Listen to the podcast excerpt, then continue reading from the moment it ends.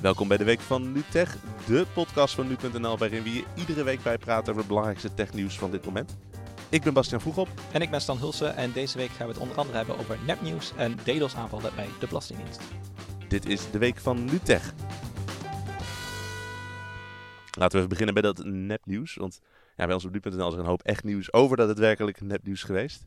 Uh, maar wat blijkt nu? Dat nepnieuws wordt eigenlijk vooral groot gemaakt niet door computers die, die het allemaal delen, maar gewoon ja, door ons. Ja, door mensen. Dit is een onderzoek van het Massachusetts Institute of Technology. Zij spreken niet over de term nepnieuws, maar over waar nieuws en onwaar nieuws. Uh, en dat komt omdat nepnieuws ook in Nederland eigenlijk een term is geworden die is opgekomen en ook gelijk een soort lading heeft gekregen. Uh, ze schrijven, ja, we zijn van mening dat deze term is opgeblazen in het huidige politieke klimaat. Ja, het is natuurlijk iets wat Trump gebruikt. Uh, gooit regelmatig de term fake news er natuurlijk uit. En ik Ja. snap dat je als onderzoeker misschien niet per se de associatie mee wil hebben. Nou ja, dat ook zo, zonder meer, maar Trump verwijst dan natuurlijk ook naar echt nieuws als nepnieuws. Ja, nee, precies. Uh, in het onderzoek hebben ze dus uh, gekeken naar specifiek Twitter. En hebben ze gekeken van, ja, hoe komt het nou dat onwaar nieuws zo, zo verspreid wordt over dat sociale medium? Um, en daarin concluderen ze eigenlijk dat onwaar nieuws vaker en sneller verspreid wordt via Twitter dan berichten die waar waren. En dat onwaar nieuws dus ook automatisch meer mensen bereikt. Zou- Betekent dat nou dat wij met z'n allen gewoon in dat nepnieuws trappen en dat we daarom sneller delen? Of vinden we het juist grappig? Of wa- waarom delen mensen dat dan vooral? Nou ja, ik denk vooral uh, het laatste. Uh, een mogelijke verklaring hiervoor is dat uh, onwaar nieuws vaker opvallender is of ongewoner is dan echt nieuws. Als je over nepnieuws spreekt, dan heb je niet alleen over politiek geladen nepnieuws, maar bijvoorbeeld ook over broodje verhalen. Uh, ja, dat spreekt tot de verbeelding en dan is het uh, waarschijnlijker dat mensen zeggen, hey, kijk hier eens naar, uh, dit zou je moeten lezen of dit, deze video zou je ook moeten zien. Ja, precies. Dat is natuurlijk inderdaad ludieker om inderdaad te delen dat de paus is overleden dan dat er een of andere economische summit is, uh, wat, het, wat misschien wel heel belangrijk is, maar... Ja, klopt. En uh, dat betekent dus eigenlijk ook dat de menselijke factor in de verspreiding van nepnieuws en het zo groot maken van, van onwaar nieuws uh, mm -hmm. ook, ook belangrijk is. Uh, want ze hebben ook gekeken naar de rol die bots, geautomatiseerde programma's, uh, spelen in de verspreiding van nepnieuws. Ze hebben dus een aantal onware verhalen die op Twitter de ronde deden vergeleken. Uh, en gekeken van hoe, hoe verspreid die nou over, over Twitter.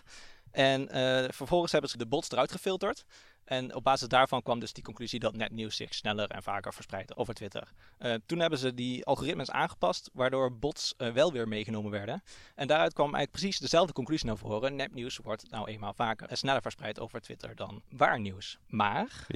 Uh, als de bots in het spel zijn, dus als ze de bots meenemen in die analyse, wordt nepnieuws wel sneller over het medium verspreid. Ja, okay, die bots zorgen er natuurlijk voor dat stel een bot die retweet een nepnieuwtje. Ja. En iemand anders en pakt ik, dat en ik, eventueel ik wel toevallig die bot of iemand anders volgt die bot en dan komt het inderdaad sneller bij ons terecht. Dus dat is op zich ook logisch. Juist. Waar ik me alleen afvraag, die mensen die dat nepnieuws dan delen, uh, hoeveel daarvan zouden dat zeg maar gewoon onschuldige bijstanders zijn zoals wij? Van oh hey kijk, een grappig nieuwtje, ik druk even op retweet. En hoeveel zullen daar, wat je natuurlijk bijvoorbeeld bij uh, de nepnieuwscampagne vanuit Rusland tijdens de Amerikaanse verkiezingen, wat je heel vaak hoorde, was dat bijvoorbeeld op Facebook en op Twitter waren de Russen wel echt actief met gewoon menselijke accounts, maar wel met een duidelijke agenda. Dus dat waren wel mensen, maar dat waren mensen die een missie hadden om dat nepnieuws te verspreiden. Ja, ja dus ze hebben niet gekeken naar de motivatie om, om nepnieuws te verspreiden. Okay. Want het is puur een empirisch onderzoek. Uh, wat ze wel hebben gedaan is uh, gekeken naar wat voor soort accounts die, die onware nieuwsberichten dus verspreiden. Uh, en daaruit bleek dus dat uh, de Twitter-gebruikers die uh, dus onwaar nieuws verspreiden, ja. minder volgers hadden, zelf minder mensen volgden, minder vaak een geverifieerd account hadden dus, en, en minder lang actief waren op, op Twitter zelf. Oké, okay, dan wordt het dus wel vaker gedeeld. Dus inderdaad, als je kijkt naar een, een nepnieuwtje, wordt veel vaker gedeeld dan een, daadwerkelijk nieuwtje. Maar al die mensen die op die retweet-knop drukken of op die like-knop of die op een andere manier delen, klikken die ook allemaal op de link om het te lezen? Of? Nou ja, ze hebben dus ook gekeken naar uh, hoeveel mensen bereikt zo'n nieuwtje nep of echt dan op Twitter. Ja. Uh, en voor de top 1% bereikte een echt nieuwtje over het algemeen zelden meer dan duizend mensen. Dus als het nieuwtje waar was, dan zagen minder dan duizend mensen dat bericht of die tweet. Ja. Uh, was een nieuwtje niet waar, dan bereikte de top 1% van die berichten meestal tussen de 1000 en 100.000 mensen op Twitter. Zo een beetje een brede groep mensen natuurlijk, hè? tussen de 1000 en de 100.000. Ja. Nou ja, het hangt natuurlijk af van het bericht specifiek. Ja. Uh, maar je kunt natuurlijk wel afleiden dat een nepnieuwsbericht een veel grotere groep mensen bereikt dan een waar bericht. Ja, nee, uh, inderdaad. Ik zit even te denken ook, want uh, dit gaat natuurlijk specifiek over Twitter. Maar we zitten toevallig ook net in de week dat de medeoprichter van Facebook, Chris Hughes, dat was ook de huisgenoot van Mark Zuckerberg in die tijd nog. Die heeft zich ook weer uitgelaten. Die heeft, die heeft natuurlijk naar zijn oude werkgever gekeken. Die had ook iets van ja, de manier waarop Facebook met nepnieuws is omgegaan, heeft ook gewoon een negatieve impact gehad op de politiek.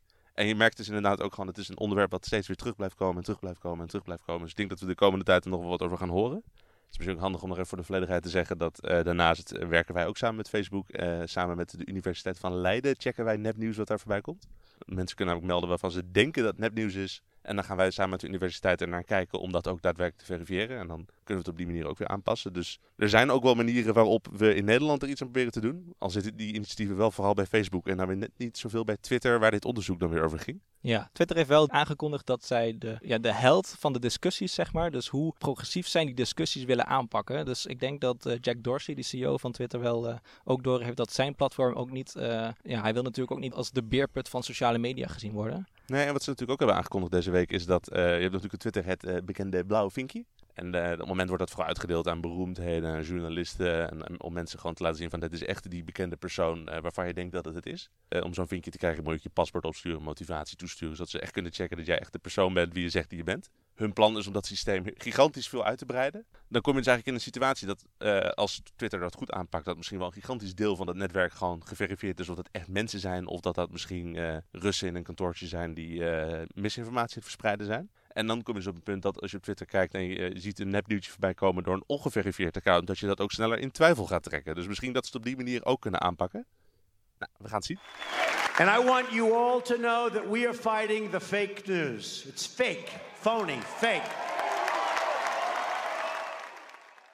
Het was weer een DDoS-weekje deze week, Stan. Ja, jij probeerde dinsdag jouw belastingaangifte te doen. Ja, leek me een goed moment. Per 1 maart of zo kon dat ook. Dus ik ben er mooi vroeg bij. Maar ik kreeg samen met heel erg veel Nederlanders kreeg ik een grijs scherm. Storing was toen het verhaal. Later kwamen de verhalen over DDoS-aanvallen bij. En later in de week was er weer een hele grote DDoS-aanval, waardoor ja, voor een uur of vier aan mijn hoofd was uh, de Belastingdienst onbereikbaar. En in 2013 heb je natuurlijk een hele grote DDoS-golf gehad. Werden de banken steeds geteisterd. Begin dit jaar werden er allemaal banken en toen ook weer de Belastingdienst ook getroffen door een DDoS-aanval. En het lijkt weer een beetje in trek te zijn of zoiets. Want uh, opeens zijn er weer allemaal mensen voor die aanval aan het uitvoeren. Ja, Um, we weten nog niet wie daar achter de aanval van uh, deze week zit. Nee, de vorige keer uh, toen die banken getroffen werden, uh, werd er nog druk gespeculeerd over wie dat gedaan zou hebben. Want toen was net gebleken dat Nederland een rol had bij het ontdekken dat de Russen de democraten hadden gek bij de Amerikaanse verkiezingen. En iedereen dacht, nou, dat moet wel een vergeldingsactie zijn. En toen bleek het een 18-jarige jongen te zijn die in mails naar media ook had gezegd van ja, ik deed het eigenlijk omdat ik het wel grappig vond. Want ik met zo'n DDoS aanval heb je zo uitgevoerd. En je legt opeens een heel systeem plat. Lachen was een beetje het idee. Ja, zulke jongeren worden ook wel script kiddies genoemd. Ja, script kiddies. Eh, met een hele... Beetje een ja, neerbuigende term. Een beetje de geuzennaam voor dit soort jochies zijn dat. Of dames, kan ook allemaal. Ja, of, of we nu weer met een script kiddie te maken hebben. Of dat er iemand uh, iets verneinigers in, in, in zijn uh, vizier had. Dat weten we natuurlijk nog niet. Of we dat gaan ontdekken, weet ik zelfs ook uh, niet eens. Want ja, je kan je er op zich tegen wapenen. En de politie doet natuurlijk hartstikke zijn best om te vinden wie het gedaan heeft. Maar die jongen die die banken trof, die was ook wel heel erg aan het uh, jodelen dat hij het allemaal gedaan had. Dus die was geloof ik niet heel moeilijk te vinden.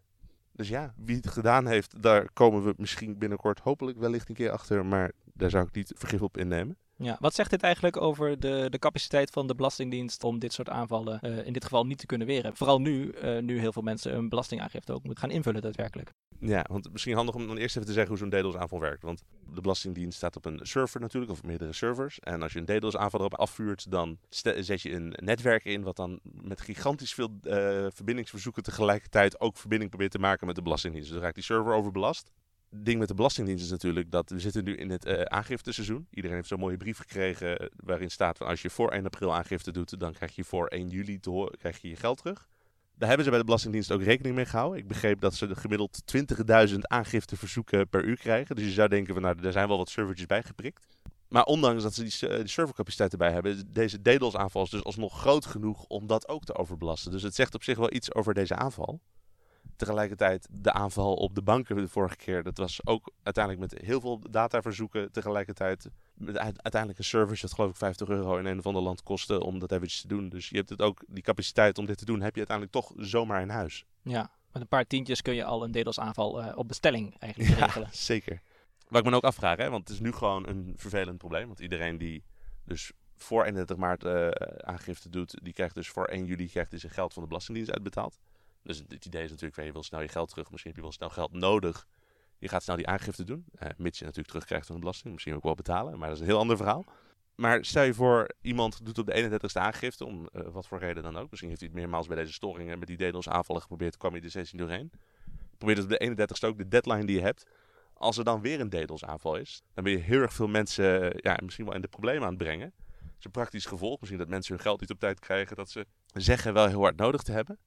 En ik vraag me af of dat ook, als er dan aangifte tegen zo'n DDoS'er gedaan wordt, of dat dan ook gevolgen kan hebben voor de straf die er uiteindelijk op te staan komt. Ja, de vraag is natuurlijk uiteindelijk of, die, of diegene die hierachter zit uh, daadwerkelijk ook gepakt wordt. Ja, nee, dat moeten we inderdaad nog even zien. Want dat is uh, meestal ook wel een, wel een uitdaging. Ja, ik vraag me af of deze DDoS'ers elkaar ook gewoon inspireren. En of ja, misschien degene die hierna komt misschien ook alweer geïnspireerd is door de persoon die nu de Belastingdienst plat heeft gelegd. Ja, hangt ook puur af van de motivatie van degene die, uh, die hierachter zit. Het zou een scriptkidder kunnen zijn inderdaad, ja. die hierdoor geïnspireerd raakt. Het zou ook iemand heel anders kunnen zijn. Ja.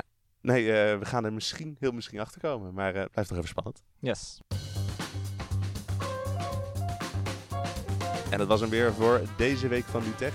Volgende week zijn we er weer. En tot die tijd kun je ons natuurlijk vinden op nu.nl, in de nu.nl app of je kunt ons mailen op tech.nu.nl. Wil je meer podcasts van nu.nl? Kijk dan ook eens naar Dit wordt het nieuws, de nieuwspodcast van nu.nl die elke werkdag om 6 uur s ochtends verschijnt en waarin de podcastredacteuren je bijpraten over het belangrijkste nieuws van die dag. Ja, ze zijn er vroeg bij iedere dag. Ja, ik doe het ze niet na.